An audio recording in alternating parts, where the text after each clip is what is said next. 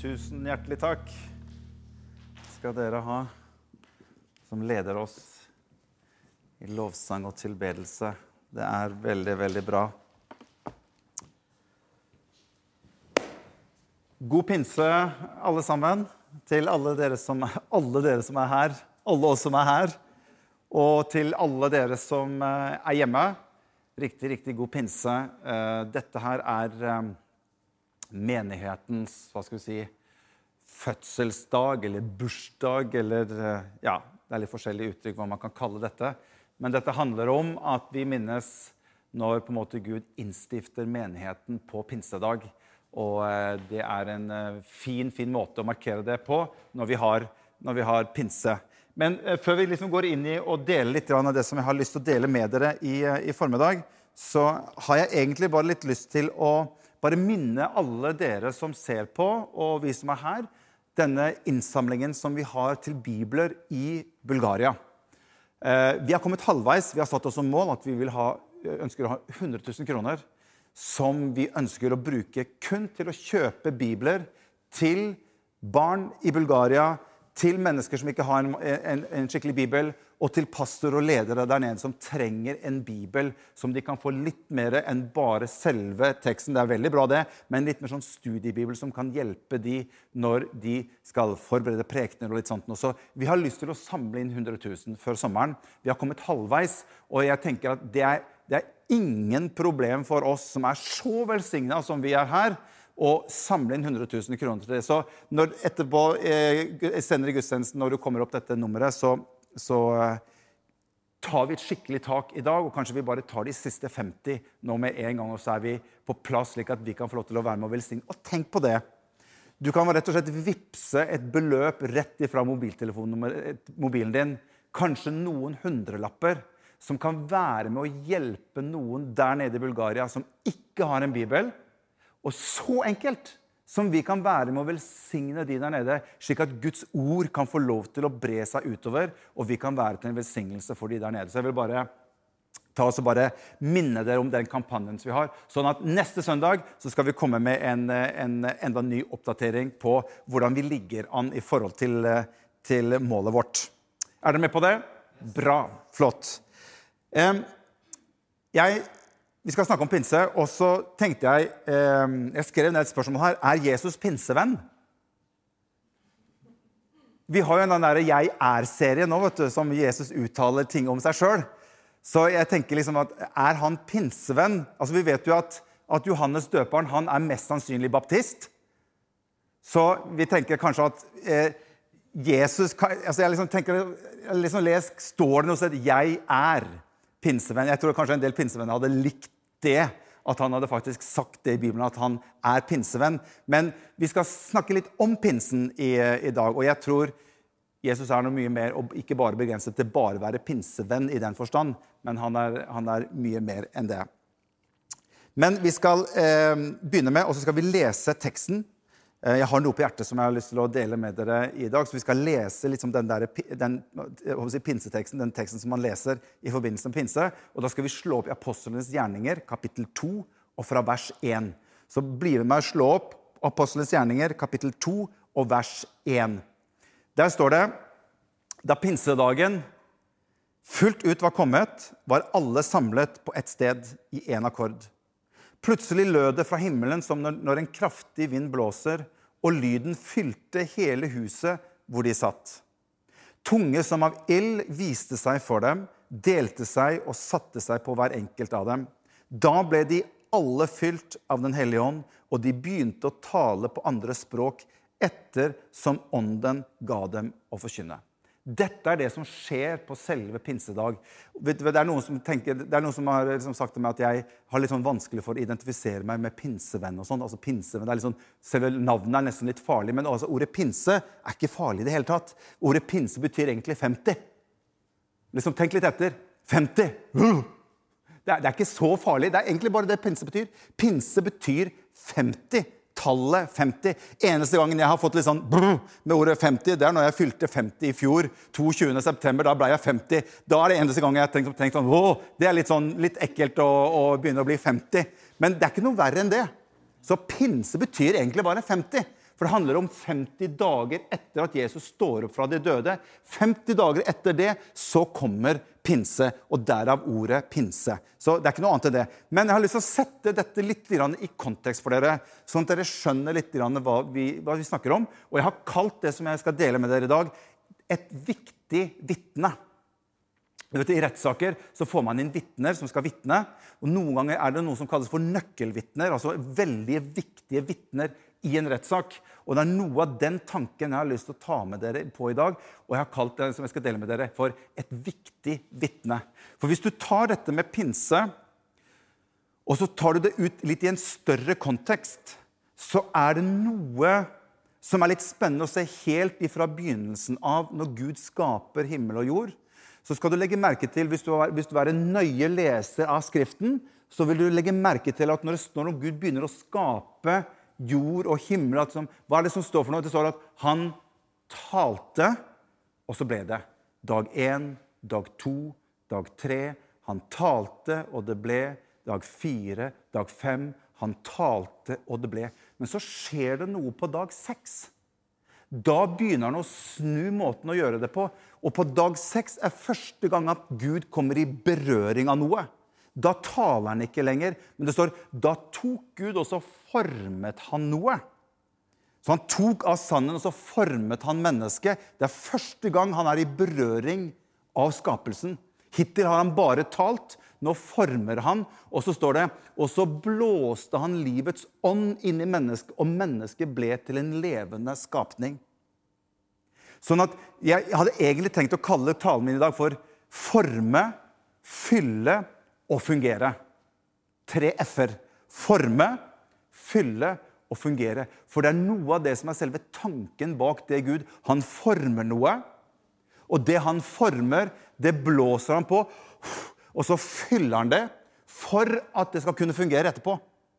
Og det er tanken, det er måten Gud gjør disse ting på. Og Derfor så tenker jeg at det er så spennende når Gud kommer til pinsedag.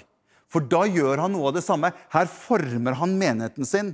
Og så kommer og så blåser han på nytt igjen, og så fyller han det med sin ånd. Og så gjør det at menigheten kan fungere som det det er kalt til å fungere. Det er fantastisk. Men du skjønner, det er noen som tror at, at disiplene blir frelst på pinsedag. Bare for å sette litt i systemet her. Noen tenker at ja, men de ble jo frelst på pinsedag. Nei, Disiplene blir ikke frelst på pinsedag. Og Jeg har bare lyst til å vise dere noen ting her, for dette her synes jeg er veldig, veldig bra. Disiplene blir ikke frelst her. Og dette er litt sånn, kan være litt sånn teologisk debatt som, går ut, eh, eller som har vært opp igjennom. Men jeg har lyst til å bare dele noe med dere. Fordi at Lukas kapittel 24 skriver noe veldig bra rundt dette som skjer i forkant etter Jesu oppstandelse, før pinsedagen kommer. Så jeg har lyst til å bare trekke dere litt tilbake igjen før pinsedag, og så skal vi gå derfra og så videre etterpå. Er dere med på det? Så I Lukas 24 der står det noe veldig fint nå, i vers 44. Så dette, her, dette er da før pinsedag. Jesus kommer og er sammen, han har stått opp fra de døde, og så er han sammen med disiplene sine. Og så snakker han til dem etter han har stått opp, og der står det fra vers 44. Så sa han til dem, dette var dette jeg talte om da jeg ennå var sammen med dere, og sa at alt måtte oppfylles som står skrevet om meg i Moseloven, hos profetene og i salmene. Og så står det interessant, det står det, Da åpnet han deres forstand, så de kunne forstå Skriftene. Et eller annet skjer med dem når Jesus står her sammen med dem etter sin oppstandelse. og så plutselig, ah, Hva er det som skjer her nå? Da åpnet han deres forstand, så de kunne forstå Skriftene. Og han sa til dem, slik står det skrevet, Messias skal lide og stå opp fra de døde tredje dag, og i hans navn skal omvendelse og tilgivelse for syndene forkynnes for alle folkeslag. Så begynner han. Dere skal begynne i Jerusalem. For dere er vitner om dette. Og se, jeg sender over dere det som min far har lovet. Men dere skal bli i byen til dere blir utrustet med kraft fra det høye. Dette sier han før selve pinsedag men etter oppstandelsen. Så her skjer det noe med de, at deres forstand blir åpnet, så de begynner å skjønne hva det her går ut på. Og så står, står det noe veldig bra i Johannes kapittel 20 og vers 22. Kapittel 20 og vers 22. For i samme si, i samme setting på samme kveld som dette her skjer. Som han sier dette til dem, som vi leste nå i Lukas. Dette her er samme dag, samme kveld. Jeg skal komme tilbake til. Da står det Så åndet han på dem, og så sier han, ta imot Den hellige ånd. Og Dette her er bare så utrolig spennende å se. Fordi at det som skjer, jeg, jeg, Når jeg holder på med det, så ser jeg ja, men Gud har jo egentlig blåst på mennesket tre ganger. Han Han blåser på mennesket når han former det og skaper det.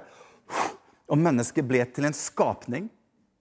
Her står det at Jesus kom etter sin oppstandelse, for han kunne ikke frelse noen før han selv hadde stått opp fra de døde. For det står at Han er den førstefødte blant mange brødre, så han måtte selv stå oppe fra de døde. Og så kommer det noe interessant nå, for dette her er bare så altså, opp, la, la, meg bare ta det med. Den oppstandelsesdagen, når Jesus står opp ifra de døde den søndagen, det er en utrolig innholdsrik dag. For Han står opp ifra de døde, han møter Maria Magdalena dem ved graven. De kjenner han ikke igjen. Plutselig så kjenner de han igjen. De løper for å fortelle dette her. Og så leser vi om disse to disiplene, som ikke er en av de, de elleve som er igjen da, som er på vei til Emmaus samme dag. De går mot Emmaus, de er litt bedrøvet. Og så står det om at Jesus han kommer inn langs med dem. har sikkert hørt denne historien. Han kommer liksom opp med dem og spør hva er det dere snakker om. Ah, har du ikke hørt hva som har skjedd? Og så gikk de langs veien. Og så står det, så begynte Jesus å tale til dem. Han begynte å legge ut i skriftene hvem, han, hvem Messias var. Ifra, ifra første Mosebok og hele veien ut igjennom. Og når de kom til, til Emmaus, der de bodde, så spør de gutta du, kan ikke du komme inn og være sammen med oss. Så kommer Jesus inn. Det er samme dag, oppstandelsesdagen. Så kommer de, han inn, og så setter de seg ned og så bryter de brødet. Og så står det da ble deres øyne åpnet, så de skjønte hvem han var. Ah, det er jo Jesus! Så forsvant han.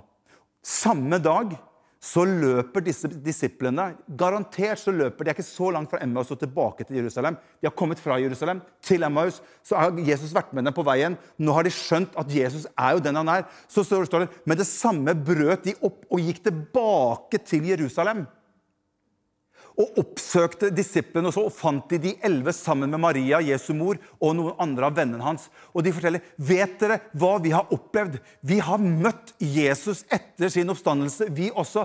Det er sant. Og så står det mens de snakker, står det, så står plutselig Jesus der òg. Og jeg liksom ser for meg liksom, vet du hva, Vi møtte Jesus. Han, var, han gikk sammen med oss fra, fra, fra Jerusalem og ned til Emmaus. Og mens de står og prater der, så bare ja, Ikke kom inn på den måten her, Jesus! Det, er, altså, det står at den ble fruktsomme og redde. Så Jesus bare står 'Fred være med dere'. Og det var liksom ikke akkurat fred de følte. bare sånn, wow, kan du hjelpe, kan du være?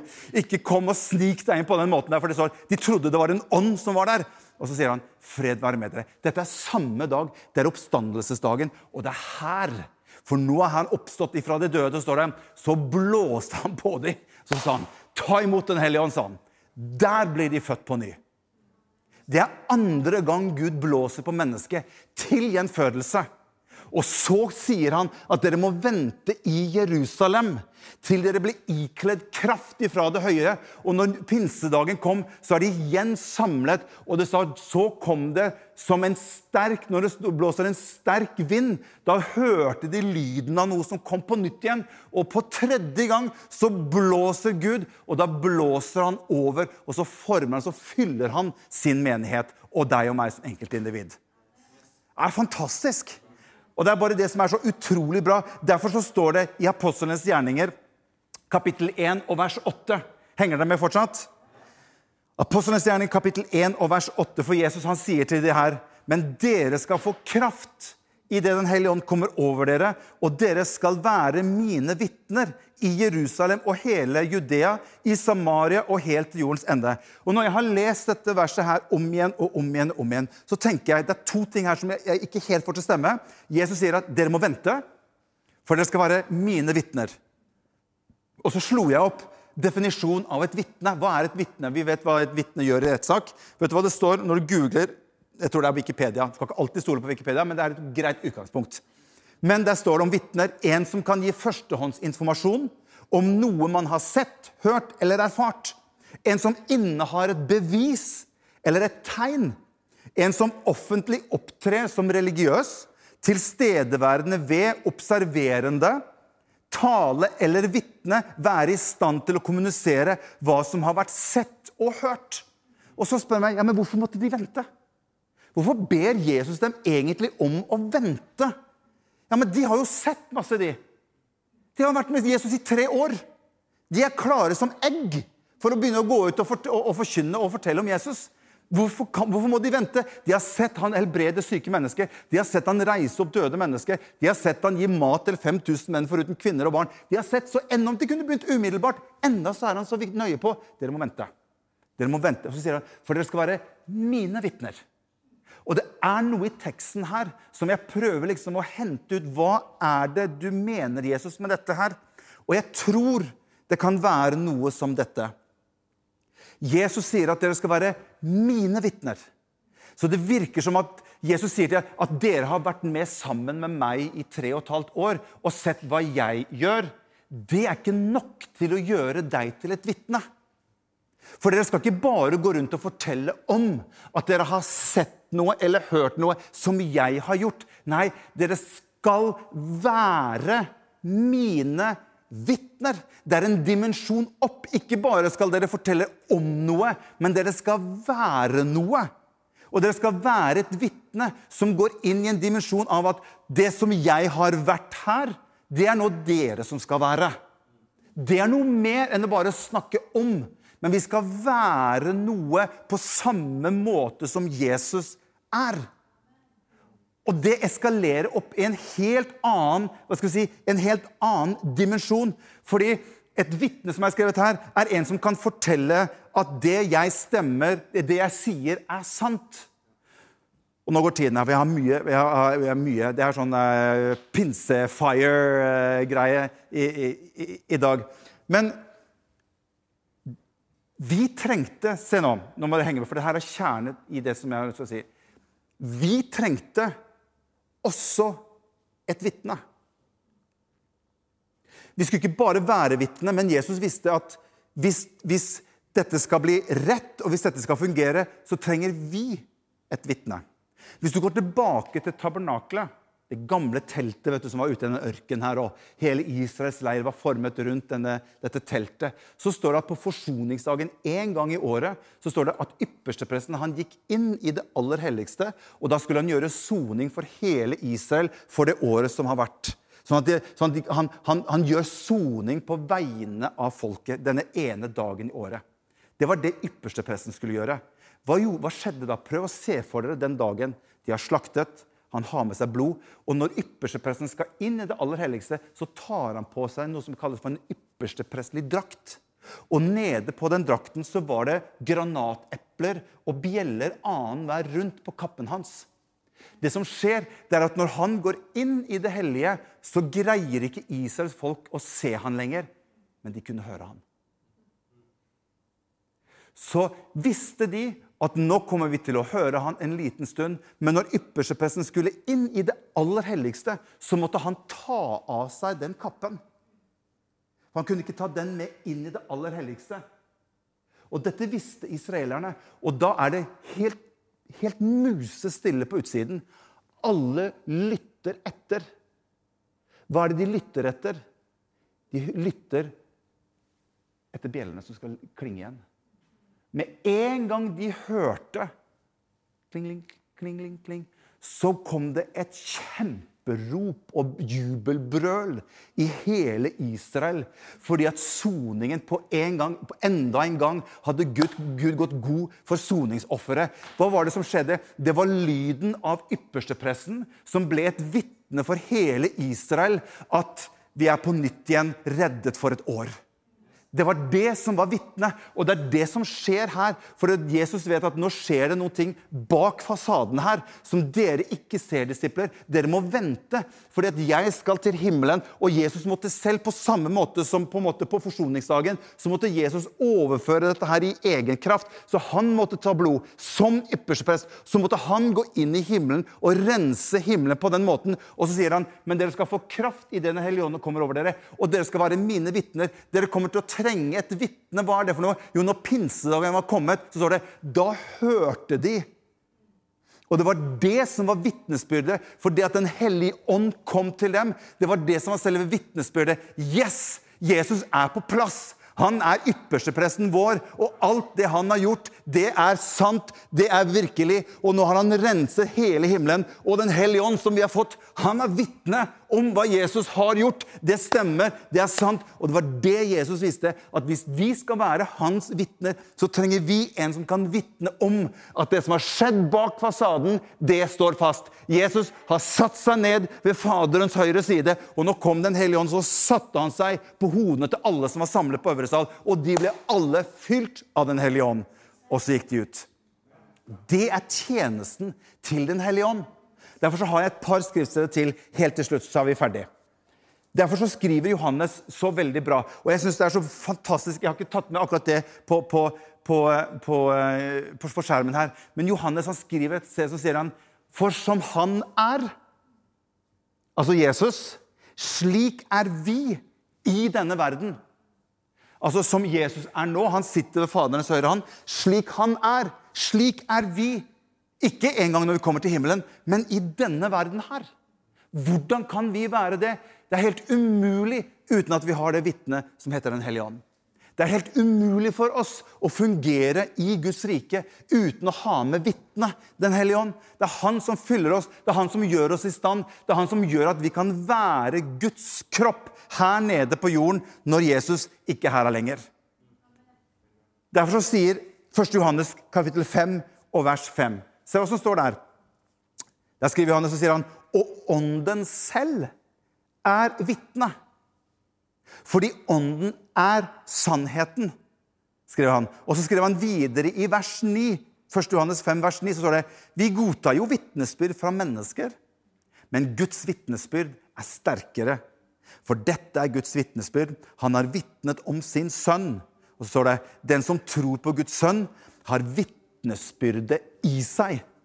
Hva er vitnesbyrdet i seg for noe? Det er Den hellige ånd. Han er et vitne. Og så står det så fantastisk i Romerbrevet, vi skal avslutte med det, Romerbrevet kapittel 8 og vers 16. Der skriver Paulus Ånden selv vitner sammen med vår ånd at vi er Guds barn. Det er det Den hellige ånd. Så vi må vi, Jesus visste så godt at hvis jeg bare sender dere ut nå, selv om dere har sett en del og, og opplevd en del sammen med meg, så vil det bli helt feil. Da går dere i egen kraft. Da er dere bare kun formet og ikke fylt. Men han visste at på, hvis vi skal fungere, så må han forme oss, og så må han fylle oss. Da kan vi fungere som kristne. Og det er det hele pinsens budskap dreier seg om. Og som jeg nevnte forrige fredag, dette med hvordan hyrden samler sammen fårene sine. Så samlet han dem sammen denne gangen også, på øvre sal. 120 mennesker. Og tenk for en atmosfære som måtte vært i det rommet der. I forventning. Hva kommer til å skje? Jeg vet ikke. Dette har aldri skjedd før i historien. Hva, hva tenker du? Aner ikke. Vet ikke. Nei, vi får bare vente. Så kommer denne pinsedag, og det var sikkert masse forventning inne i det rommet der disse 120 var samlet. Kanskje de gikk litt fram og tilbake og hadde ingen peiling på hva som skulle skje. Og så plutselig så hører de et eller annet som kommer. Som når det blåser en sterk storm, og det står at tunge liksom av ild begynte å komme inn i rommet hvor de var samla. Og så står det at det begynte å dele seg opp. Og så satte denne ilden seg på hver enkelts hode. Og det er et tegn på at jeg kan se noe over deg, men det er ikke alltid så lett å se over meg, for den, den ilden står liksom på mitt eget hode. Men det var for alle sammen.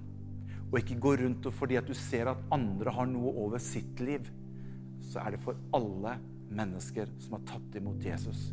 Og så begynte det å komme inn, så delte det seg og satte seg på hver eneste en. Og så begynte de å bli fylt av Den hellige ånd. Og så begynte de å tale med andre tunger. Det var noe som skjedde på innsiden de ble fylt av denne ånden. Og så begynte de å tale i andre tunger.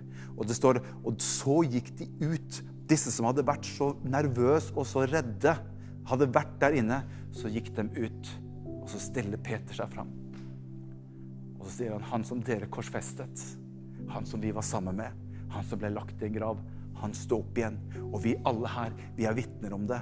Og har, det har skjedd noe med oss. Og hvis du ønsker, så kan du også få lov til å ta imot Jesus til frelse. Og så Den dagen ble 3000 mennesker frelst og tok imot Jesus. Den gammeltestamentlige pinsedag, vet du hva det var for noe? Det var når Gud ga loven. 50 dager etter at de gikk ut fra Egypt. Da ga Gud loven på, på, på Sinai-fjellet. Det står at den dagen døde 3000 mennesker. Når, når pinsedag kommer i Det nye testamentet, står det at den dagen ble 3000 mennesker frelst. For en forskjell. Loven slår i hjel, men ånden gjør levende. Kan ikke dere komme opp, dere som har sanger, og så synger vi litt sammen til slutt?